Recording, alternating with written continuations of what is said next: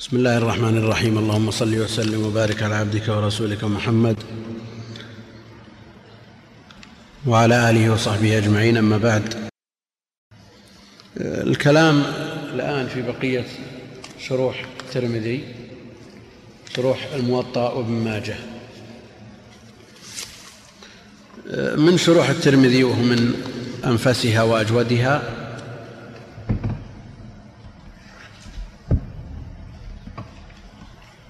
وإن كان صاحبه متأخرا تحفة الأحوذي. مؤلفه محمد عبد الرحمن بن عبد الرحيم المبارك فوري المتوفى سنة ثلاث وخمسين وثلاثمائة وألف.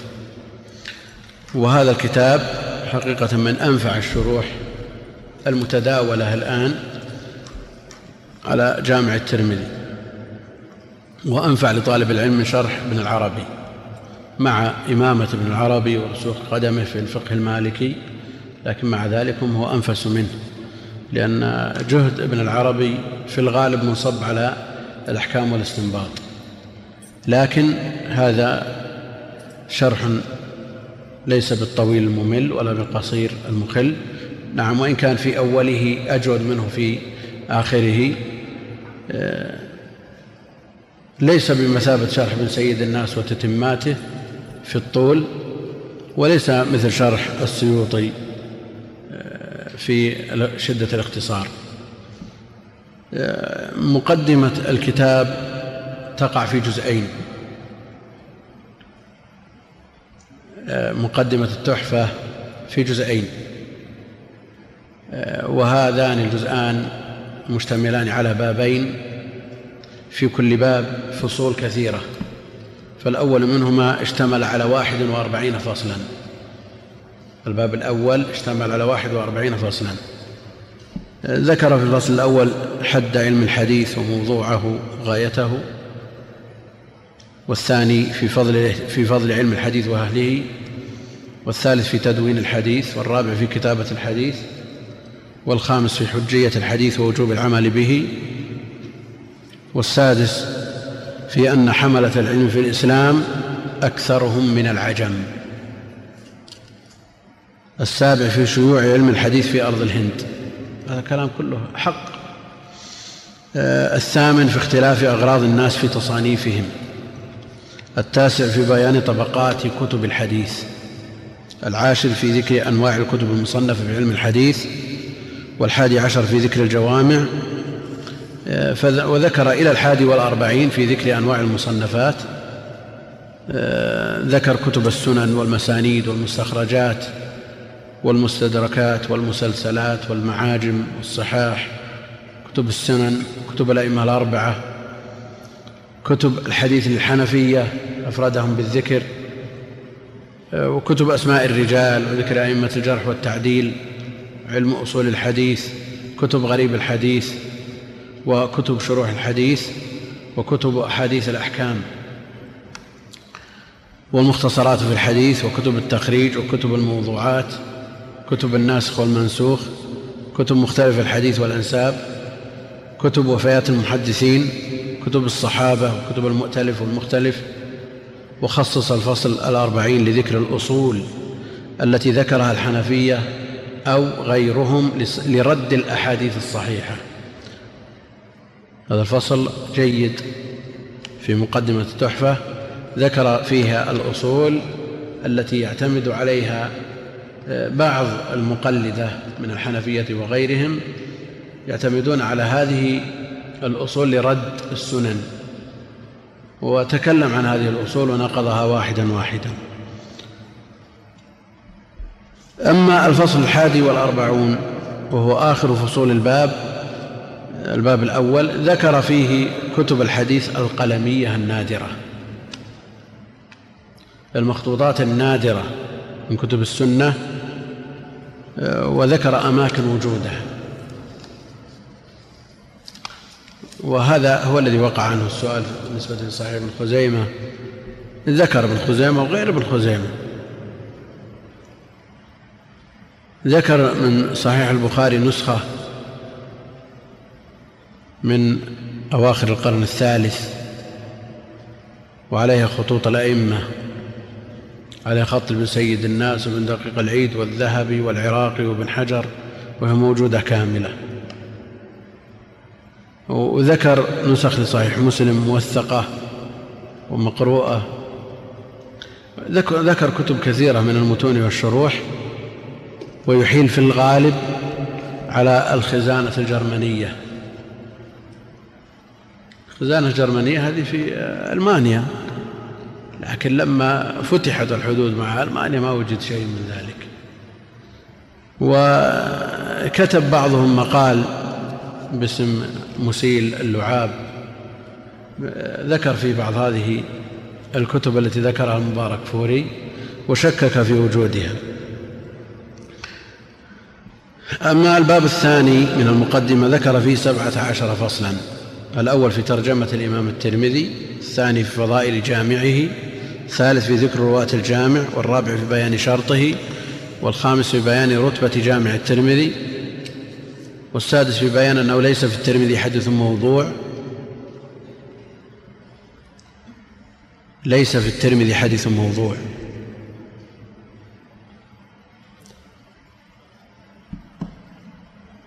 الترمذي خرج لمحمد بن سعيد المصلوب هو أحد الوضاعين. لا شك أنه خرج له لكن الحديث الذي خرجه من طريقه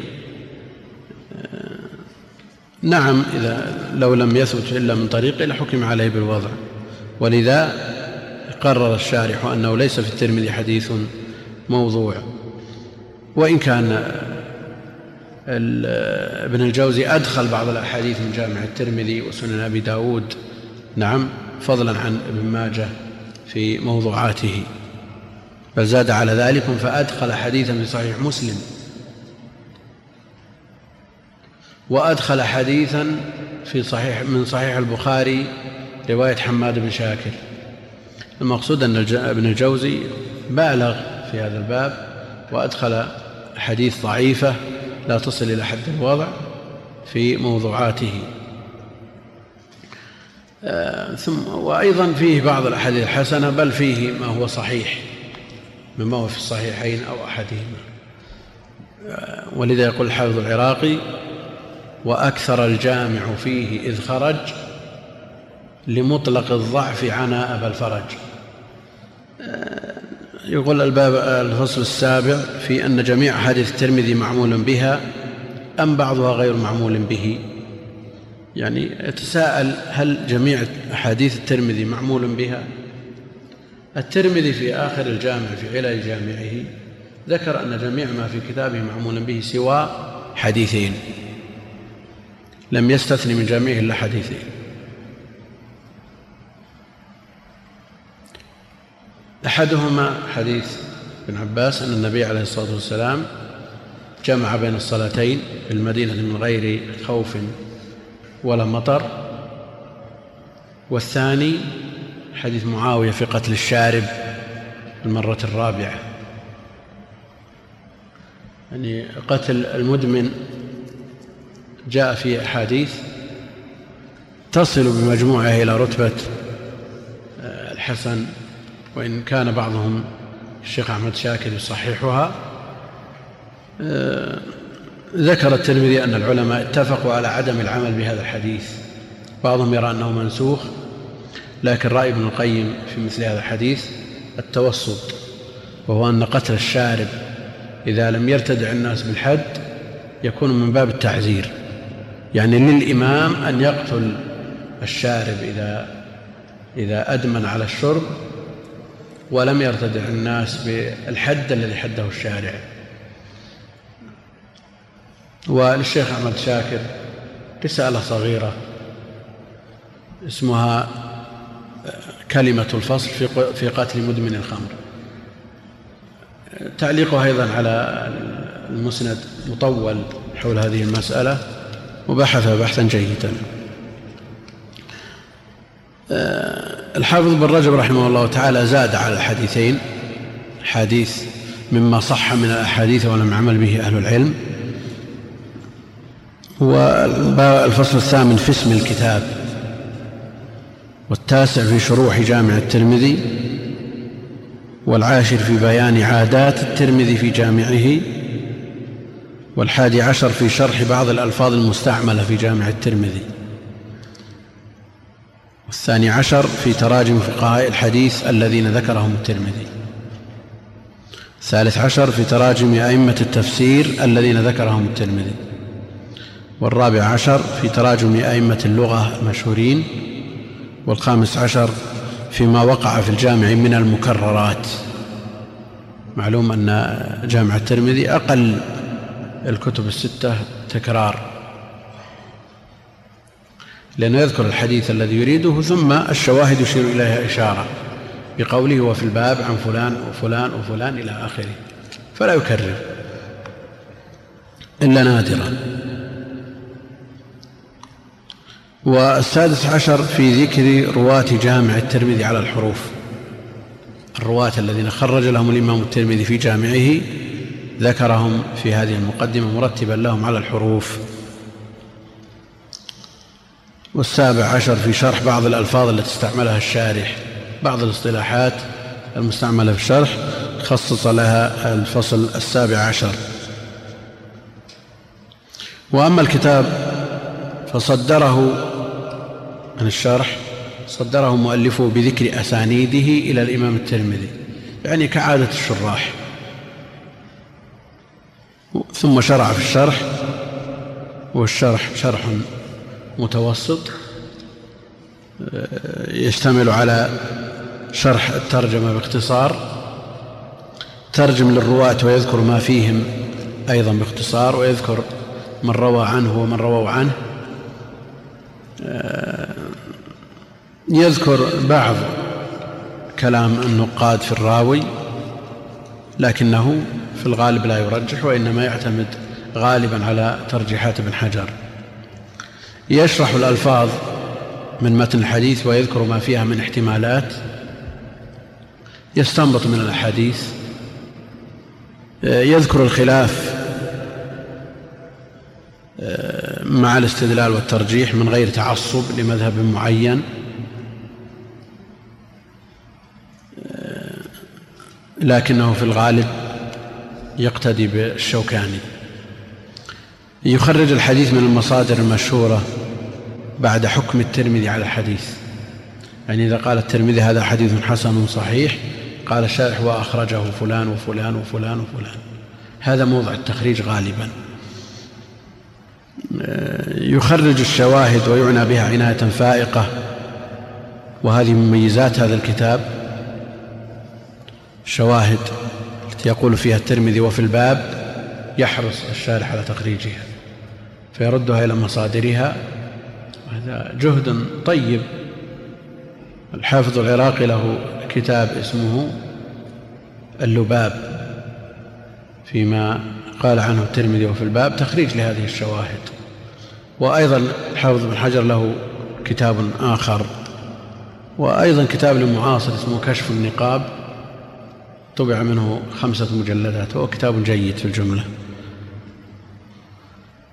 قد يعجز عن تخريج بعض الشواهد. هذا ليس بنقص ولا عيب. وحينئذ يقول فلينظر من أخرجه. وأما حديث فلان فينظر من أخرجه.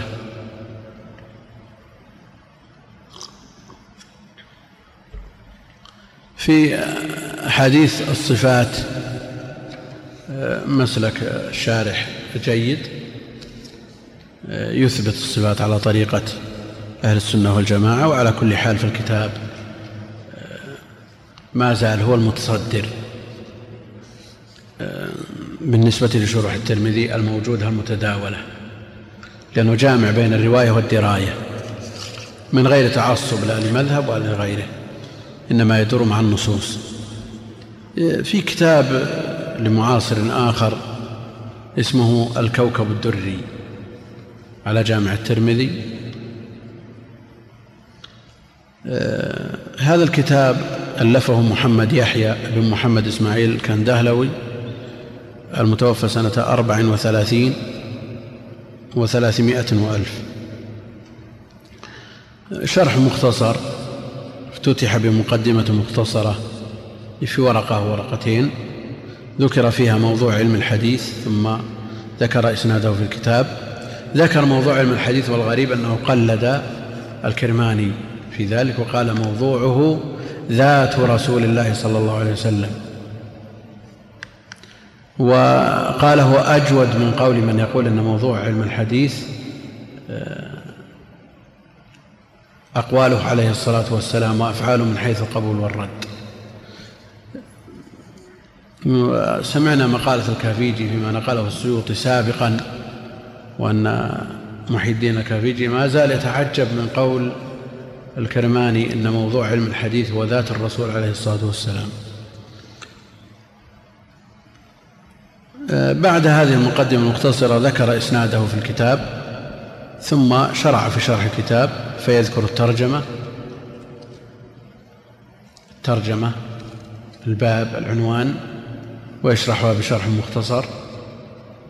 لا يفرد المتن وإنما يسوق ما يحتاجه منه. يذكر ما يحتاج من المفردات ويتكلم عليها بشيء من التفصيل. تفصيل بالنسبة لحجم الكتاب. لا يخرج الحديث ولا الشواهد. يذكر أحيانا بعض الفروق بين النسخ والروايات لكنه بالنسبة للدراية آه، فيه ضعف. والكتاب مطبوع في أربعة أجزاء. وعليه حاشية للشيخ محمد زكريا. الكندهلوي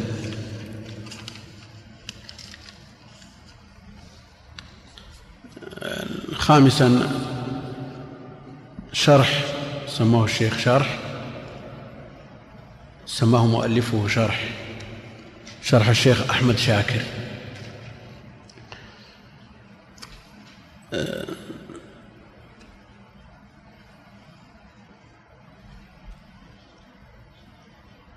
الشروح كما هو معلوم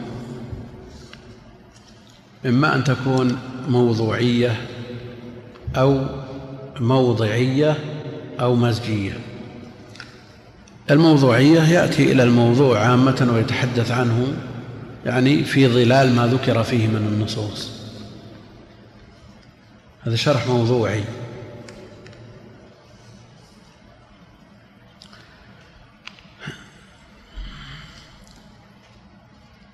يعني مثل ما يشرح مثلا كلام شيخ الإسلام في الواسطية بالنقول الواسعة من كلامه في كتبه المطولة. يعني يأتي إلى المسألة من الواسطية وهي باختصار ينقل لها كلام من كلام الشيخ رحمه الله تعالى بتطويل. هذا موضوعي. يتحدث عن الموضوع جملة ولا يحلل الألفاظ. هذا أقرب مثال له الروضة الندية شرح الواسطية وأيضا شرح الشيخ ابن عيسى على النونية من هذا الباب من هذا النوع. يأتي إلى كلام ابن القيم في النونية وينقل له ما يوافقه من كلام ابن القيم أو من كلام شيخه شيخ الإسلام رحمه الله تعالى.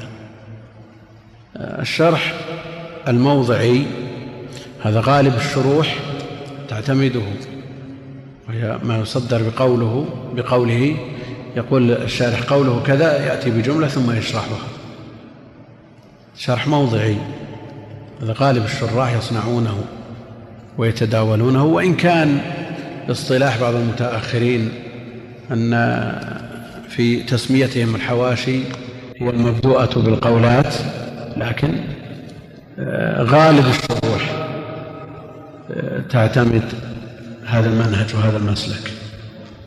من أطول الشروح فتح الباري. يقول الحافظ قوله كذا ثم يشرح. أما الشرح المزجي الشرح المزجي آه، يدمج الكتاب كاملا ويدرجه في الشرح. لفظة لفظة ويسبكها معه مع الكتاب المشروح يسبك كلام الأصل مع شرحه. ومن أمثلة ذلك إرشاد الساري. يعني لم يغادر من صحيح البخاري ولا كلمة. بخلاف الشروح الأخرى الموضعية. شرح الشيخ أحمد شاكر رحمه الله تعالى. نعم. شرح حديث النزول. موضوعي. يشك هذا يكون موضوعي لأنه ليس بتحليل لفظي. الكتاب وإنما في ظلال هذا الحديث تكلم عن النزول بإفاضة رحمه الله تعالى وقرر في مذهب السلف من إثبات النزول على ما يليق بجلال الله وعظمته ورجح أنه مع ذلك العرش لا يخلو منه تعالى.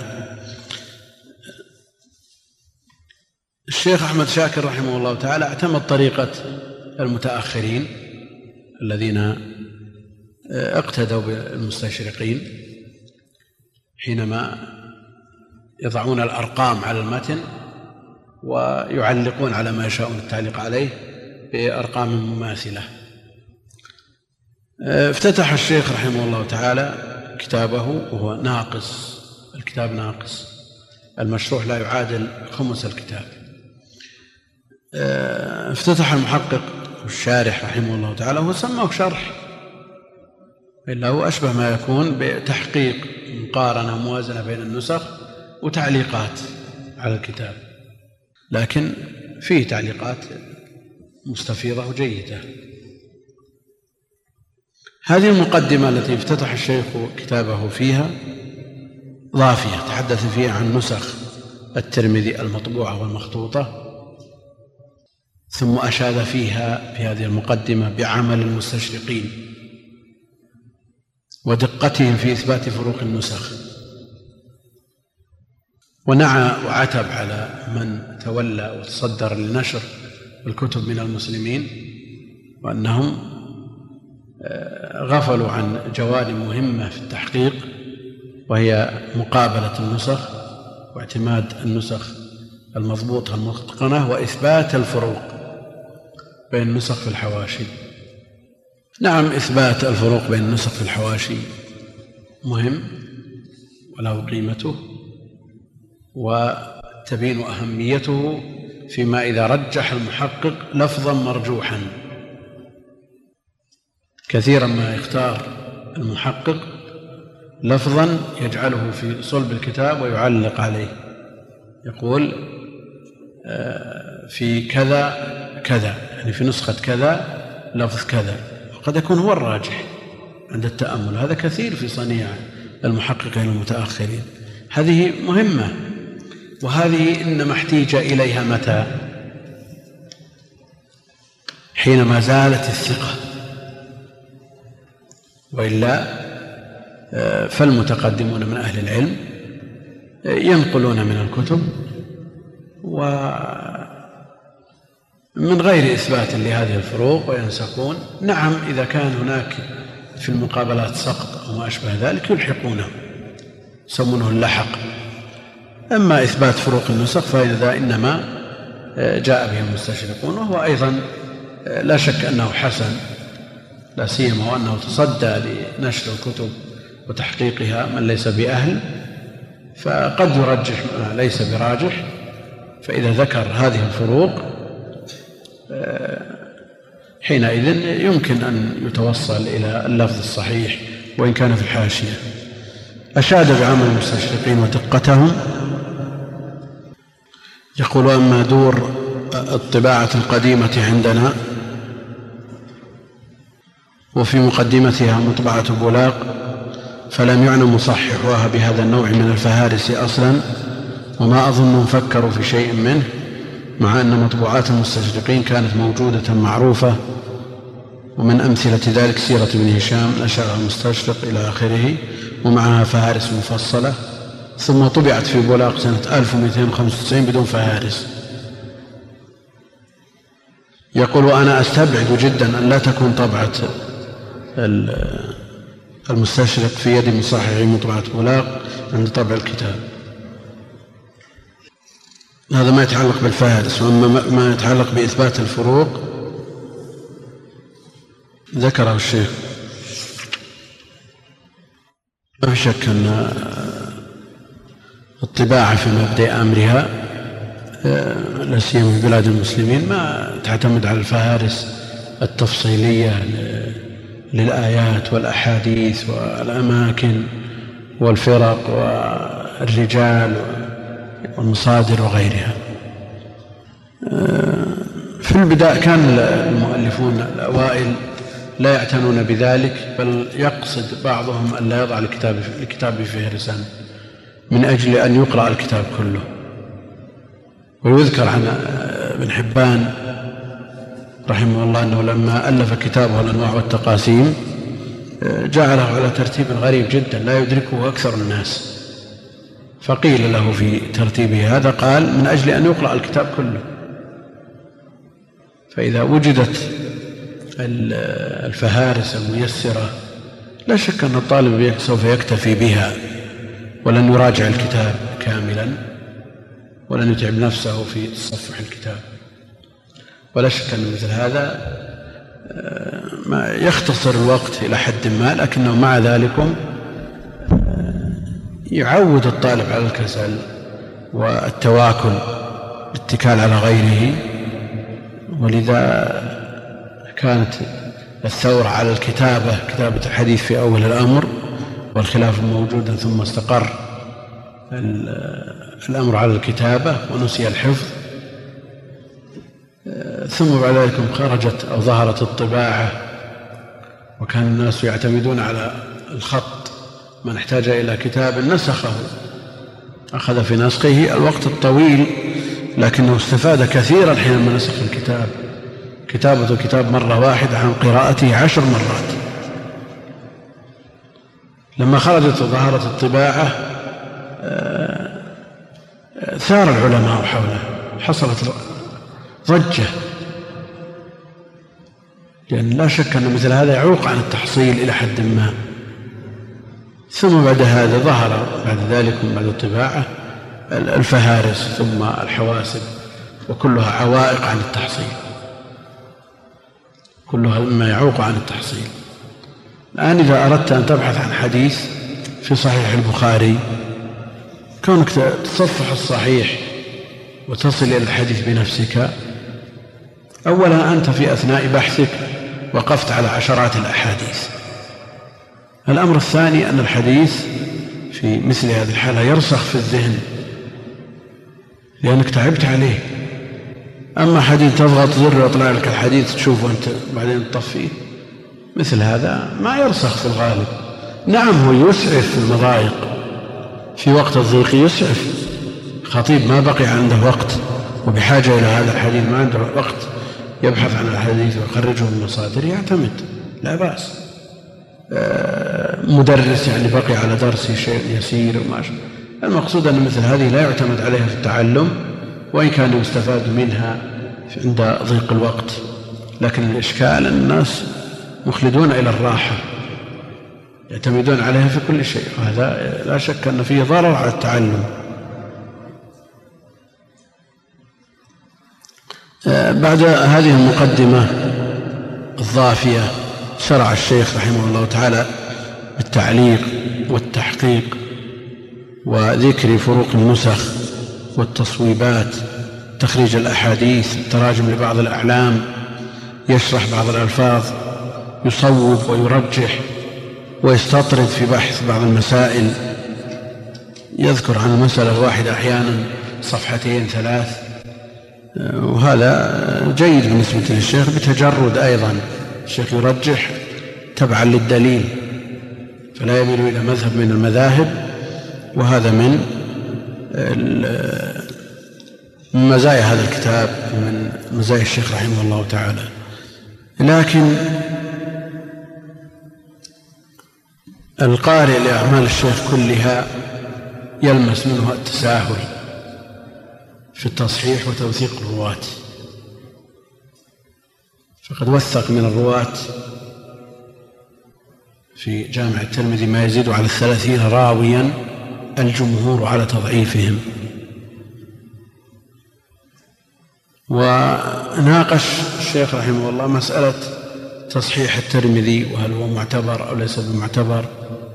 الترمذي متساهل في التصحيح نص على ذلك جمع من الأئمة كالذهبي وغيره لكن الشيخ أحمد شاكر رحمه الله يرى أن تصحيح الترمذي معتبر. نعم هو بالنسبة للشيخ أحمد شاكر معتبر لأن الشيخ أحمد شاكر أكثر تساهلا منه.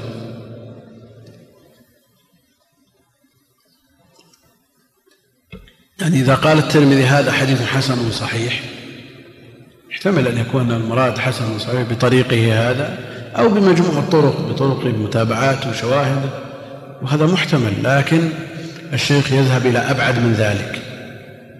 فيرى أن تصحيح الترمذي معتبر ومعتمد وتصحيحه توثيق لرجاله.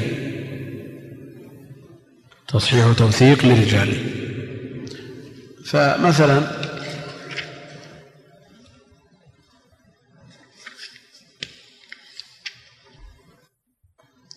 الشيخ أحمد شاكر رحمه الله تعالى حينما وثق ابن لهيعة في صفحة 16 و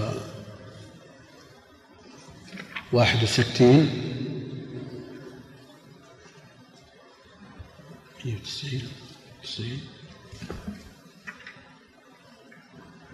ووثق أيضا الأفريقي عبد الرحمن بن زياد بن أنعم وثق بن إسحاق ووثق بقية بن الوليد بإطلاق ووثق الحجاج بن أرطاه.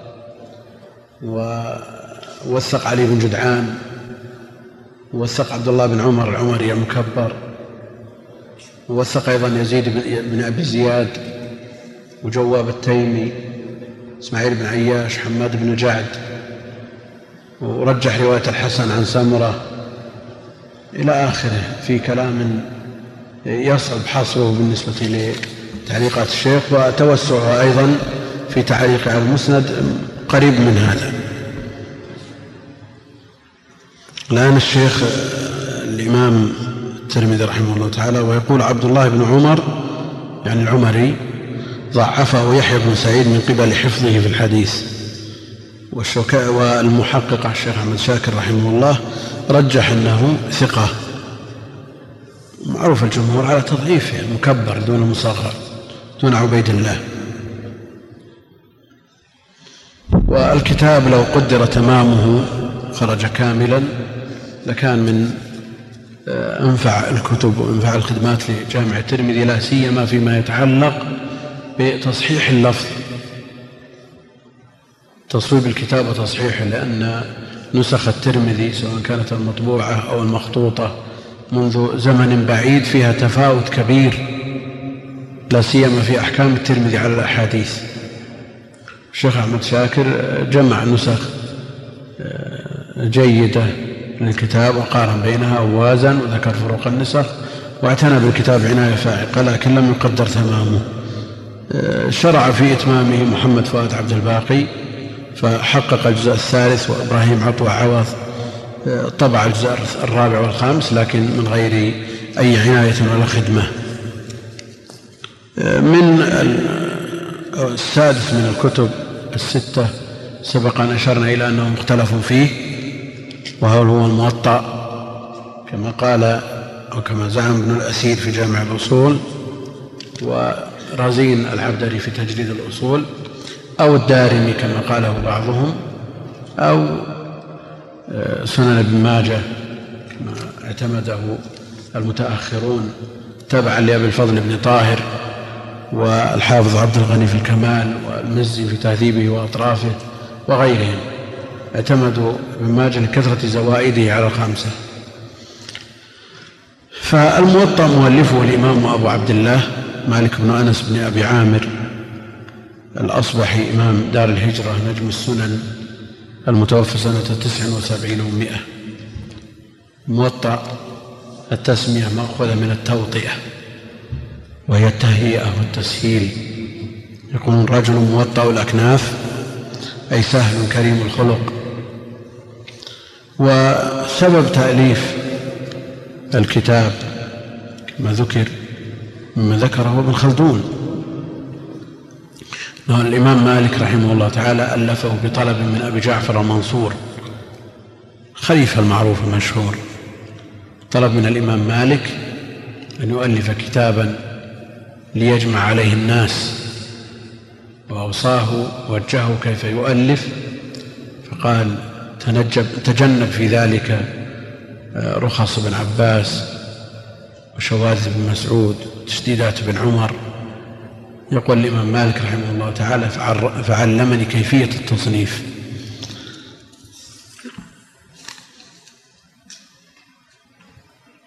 الموطأ له روايات كثيرة. إنها ليس على صورة واحدة. في الموطئات بضعة عشر. تختلف هذه الموطئات في كثرة الأحاديث في الترتيب في التقديم والتأخير في كلام الإمام مالك ونقوله عن التابعين والصحابة.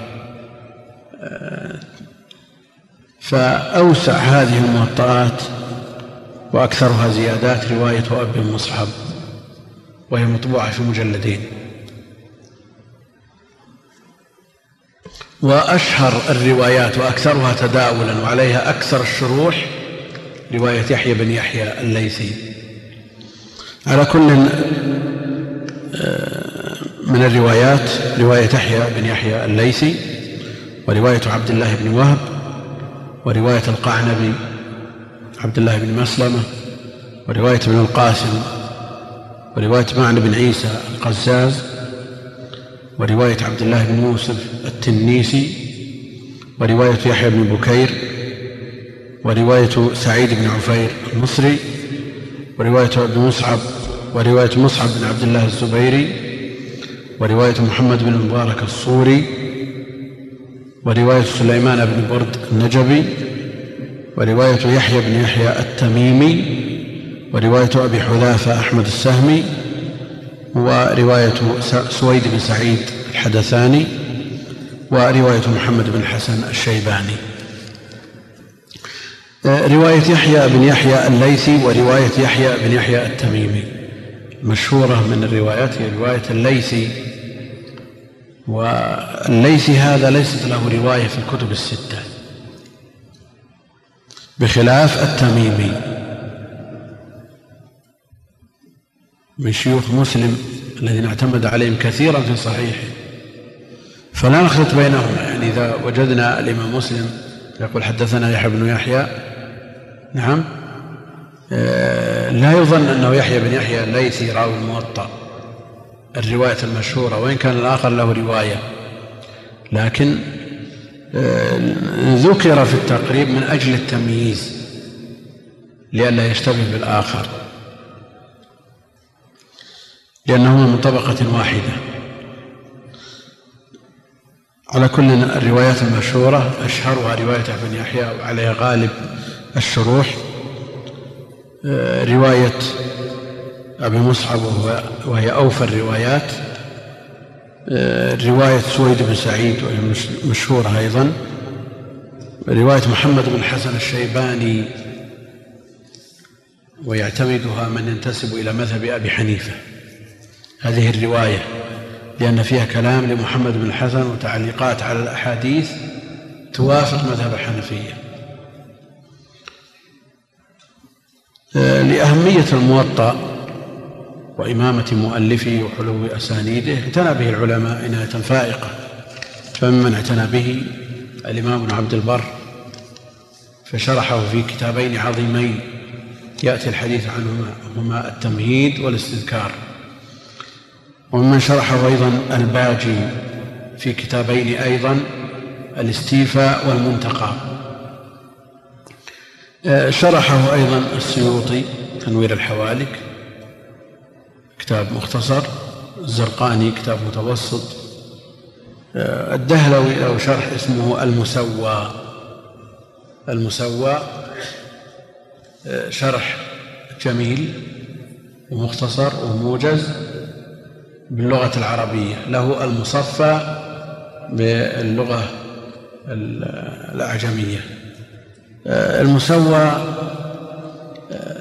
من أراد التفقه من كتاب مالك عليه بهذا الكتاب باختصار لأنه اعتمد على الموطأ في آه، تقرير الفقه المالكي وضم إليه آراء الحنفية والشافعية. وأضرب عن ذكر مذهب الحنابلة لأنه يرى أن هذا المذهب غير منتشر فهو يخدم المذاهب المنتشرة. أولا التمهيد لما في الموطأ من المعاني والأسانيد. للإمام أبي عمر يوسف بن عبد الله بن محمد بن عبد البر النمري. المتوفى سنة 63 و400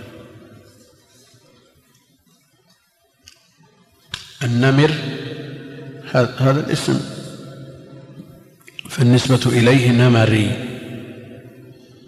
مثل بني سلمة بالكسر النسبة إليها سلمي. هذا هو الصحيح. كتاب التمهيد كتاب فريد في بابه موسوعة شاملة في الفقه والحديث والرجال وأنموذج فذ. في أسلوبه ومنهجه. رتبه مؤلفه على الأسانيد مرتبا إياها على أسماء شيوخ الإمام مالك رحمه الله تعالى الذي روى عنهم ما في الموطأ من الأحاديث. وذكر ما رواه عن كل شيخ مرتبا إياهم على حروف المعجم. فبدأ أولا بمن اسمه إبراهيم ثم إسماعيل فإسحاق فأيوب وختم الحروف بيحيى فيونس ويعقوب ثم ختم الكتاب بالكنى والبلاغات. الإمام عبد البر رحمه الله تعالى اقتصر بشرحه على الأحاديث المرفوعة. لم يتعرض للموقوفات ولا المقطوعات ولا أقوال الإمام مالك. إنما اقتصر على شرح ما يضاف إلى النبي عليه الصلاة والسلام. سواء كان بأسانيد متصلة أو آه، منقطعة.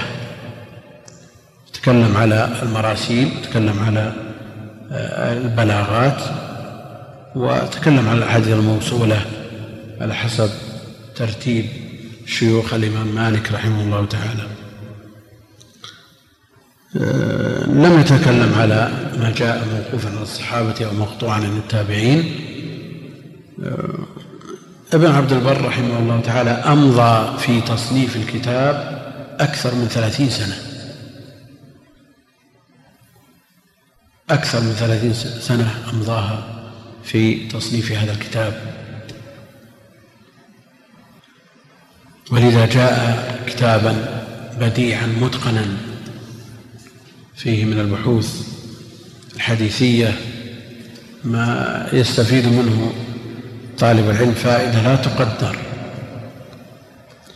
فيه أيضا من بحث المسائل الفقهية بتجرد وإن كان الإمام ابن عبد البر مالكي المذهب لكنه يرجح غير ما يراه الإمام مالك تبعا للدليل. من أظهر المسائل التي رجحها وهي مشهورة عند المالكية عندهم تفضيل المدينة على مكة. الإمام عبد البر بحث المسألة بحثا مستفيضا وخرج بترجيح مكة على المدينة خلافا لما يقوله إمامه. يقول ابن حزم لا أعلم في, الكتاب في الكلام على فقه الحديث مثله أصلا.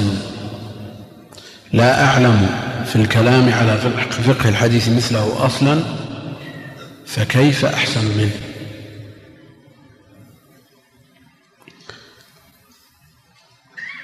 والكتاب مطبوع في أربعة وعشرين جزءا إلا أنها طبعة متوسع فيها شيء ما يمكن البياضات فيها كثيرة.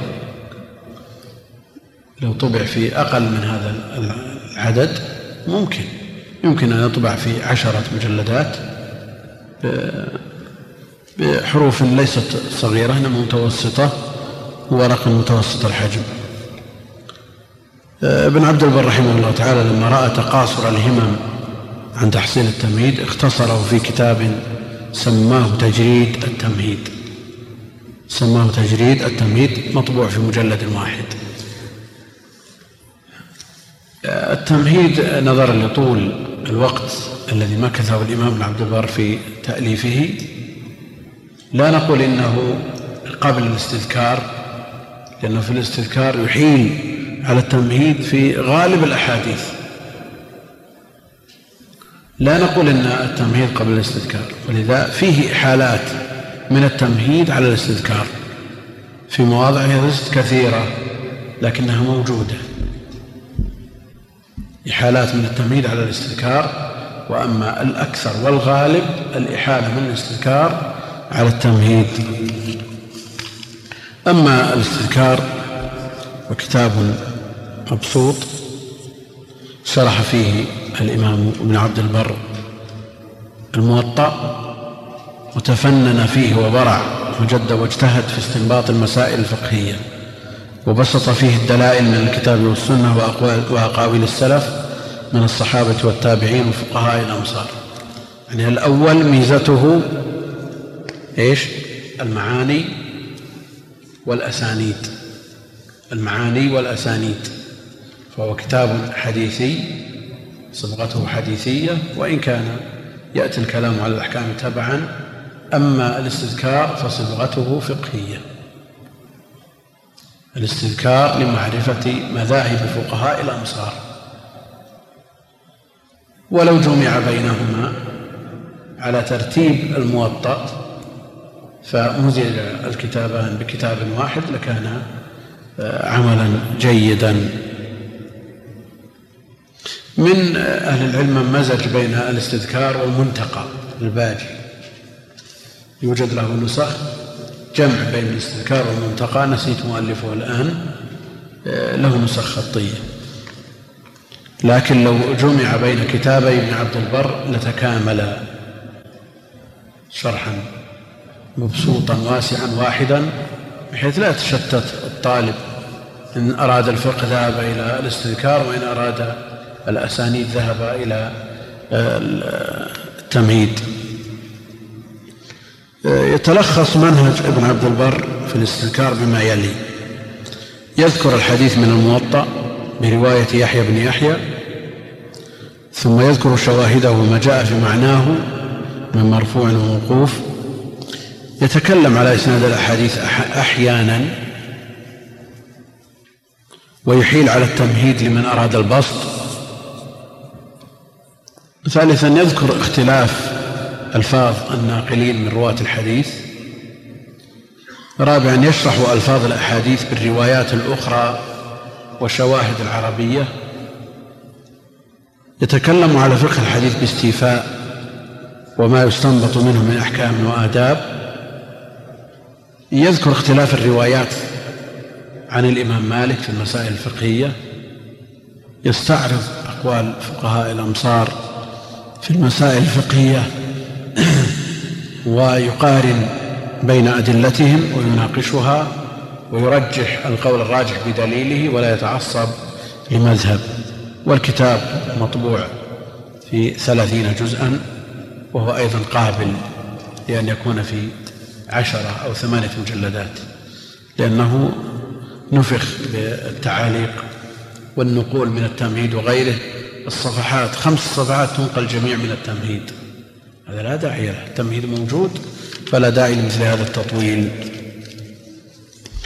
من شروح الموطأ النفيسة المنتقى. مؤلفه أبو الوليد سليمان بن خلف بن سعد التجيبي الباجي المالكي المتوفى سنة أربع وسبعين وأربعمائة. والكتاب شرح متوسط يعني ليس مثل التمهيد والاستذكار ليس بالطويل الممل ولا بالقصير المخل. من فضلك اقلب الشريط. ليس بالطويل الممل ولا بالقصير المخل. ذكر في مقدمته أنه اختصره من كتابه المبسوط الموسع المسمى الاستيفاء لتعذر درسه على كثير على أكثر الناس. نقول أكثر الناس آه، لا يستطيعون أو لا يصبرون على معاناة مثل هذه المطولات جدا مثل الاستيفاء. اقتصر في المنتقى على الكلام على معاني ما يتضمنه الحديث. من الكلام على آه، الفقه آه، مربوطة بما يتعلق بها في أصل كتاب الموطأ ليكون شرحا وتنبيها على ما يستخرج منه من المسائل هذا كلامه. يشير إلى الاستدلال على تلك المسائل والمعاني التي يجمعها وينصها مما يخف ويقرب. ليكون ذلك حظ من ابتدأ بالنظر في هذه الطريقة من كتاب الاستيفاء إن أراد الاقتصار عليه وعونا له إن طمحت همته إليه. يعني إن أراد الاقتصار على المنتقى يكفيه لكن إن طمح إلى كتاب الاستيفاء يكون المنتقى توطئة وتمهيد ودرجة يمكن أن يصعد بواسطتها إلى الاستيفاء. يقول أعرضت فيه عن ذكر الأسانيد. واستيعاب المسائل والأدلة وما احتج به المخالف. وسلكت فيه السبيل الذي سلكت في الاستيفاء من إيراد الحديث والمسألة من الأصل ثم أتبعت ذلك ما يليق به من الفرع وأثبته شيوخنا المتقدمون من المسائل وبالله التوفيق. على كل المنتقى مطبوع متداول فيه فوائد لا سيما ما يتعلق بمذهب المالكية. الذي يريد أن يطلع على مذهب الإمام مالك عليه بمثل هذا الكتاب. هذه الشروح التي اختلفت مذاهب مؤلفيها يستفاد منها معرفة تلك المذاهب لأن الإنسان قد لا يصبر على قراءة الكتب الفقهية المجردة وإن كان الأولى به أن أن يعتمد في كل من كل مذهب متن يديم النظر فيه ليضبط مسائل المذهب على وفق ما يراه إمام المذهب لكن إذا كان ممن لا رغبة له أو ليس عنده وقت أن يراجع الكتب الفقهية يقتني من هذه الشروح التي تختلف فيها مذاهب مؤلفيها. فمثلا يطلع على المذهب آه، الشافعي من خلال فتح الباري شرح النووي. المذهب الحنفي من بواسطة عمدة القاري مثلا. المذهب المالكي بواسطة آه، مثل هذه الكتب كتب ابن عبد البر ومنتقى الباجي وغيرها. يبقى عاد المذهب الحنبلي وهو آه، مع الأسف أن الحنابلة إذا قلنا أن الكتب الشروح تخدم المذاهب فالمذهب الحنبلي لم يخدم إلا بالقليل النادر. آه، مثل شرح ابن رجب رحمه الله تعالى. أيضا كتب التفاسير المطولة تخدم المذاهب. مثلا تفسير القرطبي خدمة جليلة لمذهب الإمام مالك مع إشارته إلى المذاهب الأخرى. تفسير آه، أحكام القرآن للجصاص خدمة لمذهب الشافعي. أحكام القرآن لابن العربي يختم مذهب الإمام مالك. كتب تفاسير الشافعية كثيرة جدا. تخدم مذهبهم. تفسير ابن الجوزي على اختصاره يختم المذهب الحنبلي ويذكر الروايات ويشيد بفقهاء الحنابلة. لا بأس من هذه الحيثية لكنه مع ذلك المسألة تحتاج إلى مزيد بسط في خدمة المذهب سواء كان من خلال الكتاب أو من خلال السنة. ولا نقول هذا من باب التعصب لكن أيضا من باب المعادلة والإنصاف.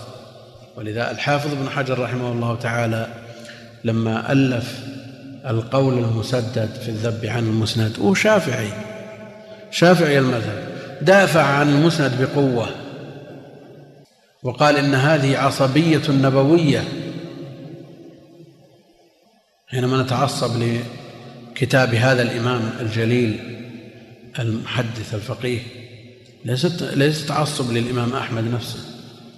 إنما كلما قرب الإمام من النصوص ينبغي أن يعتنى به أكثر ويحتفى بأقواله وأفعاله.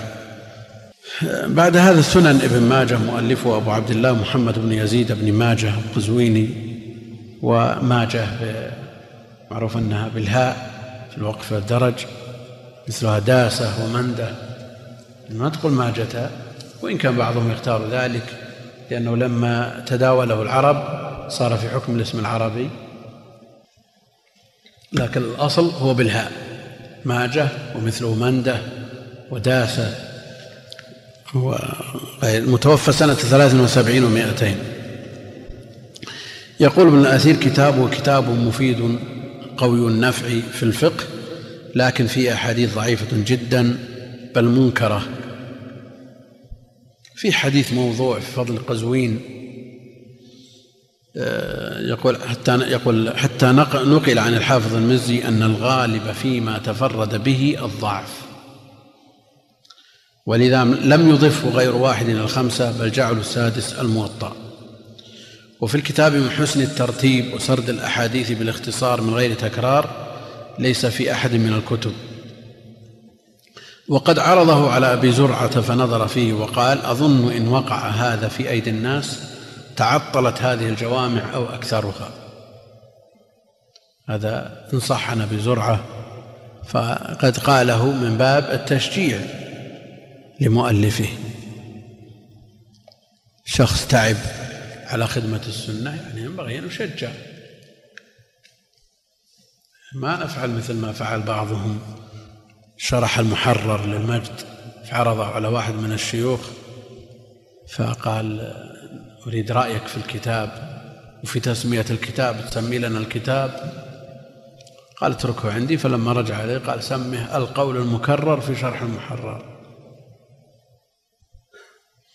هذا تحطيم لكن لو أرشده ووجهه إلى كيفية التصنيف وحذف ما ينبغي حذفه إثبات ما ينبغي كان أولى مثل هذا ينصدم ما عاد يؤلف شيء.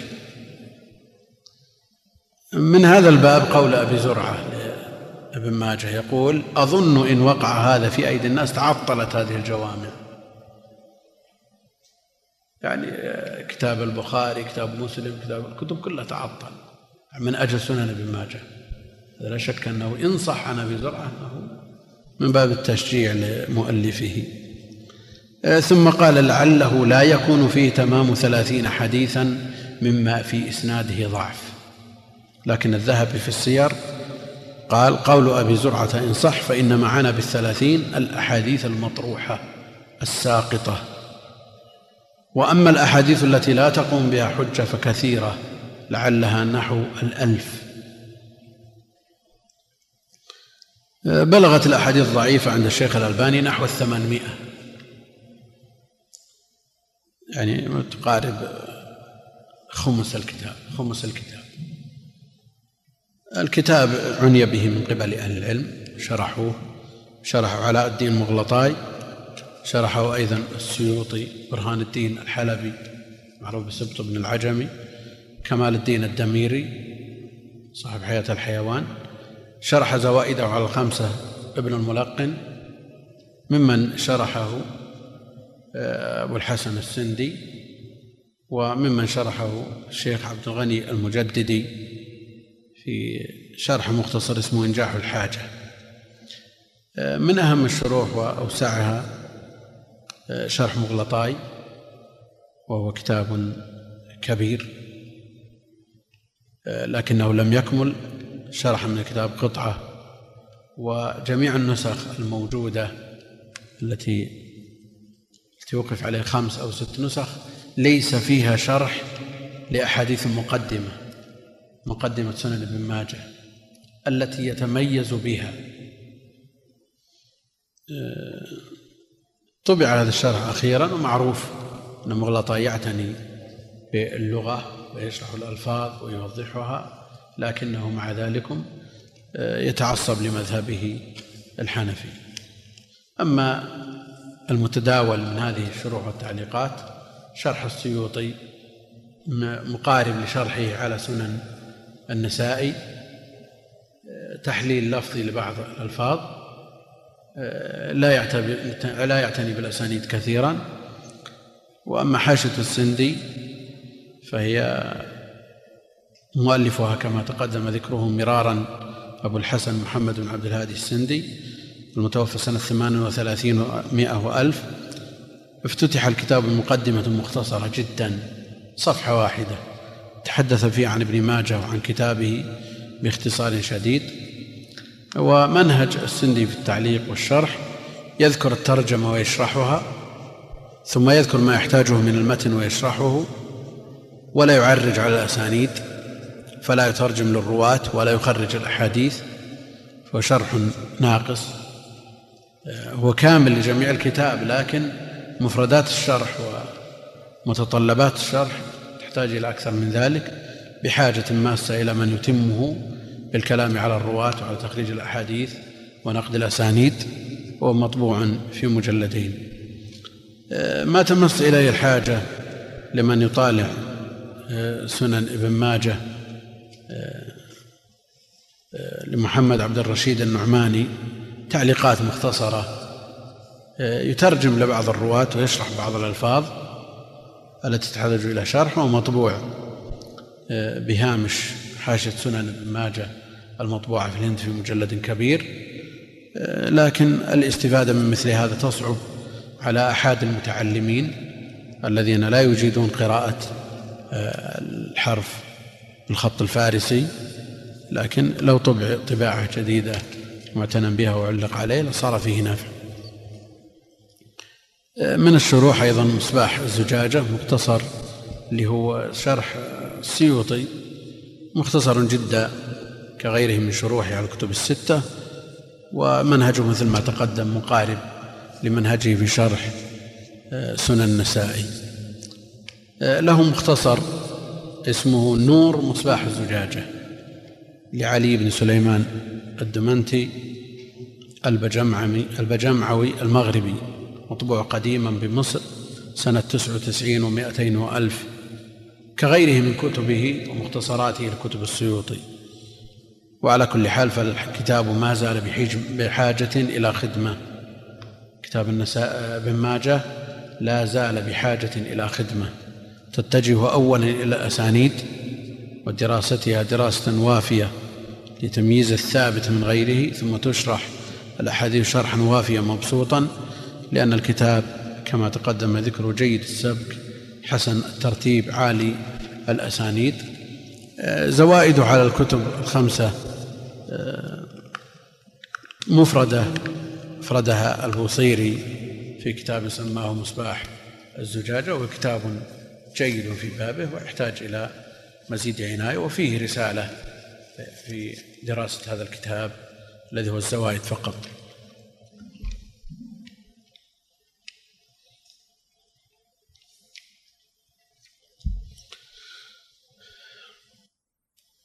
والله أعلم وصلى الله وسلم وبارك على نبينا محمد وعلى آله وصحبه أجمعين.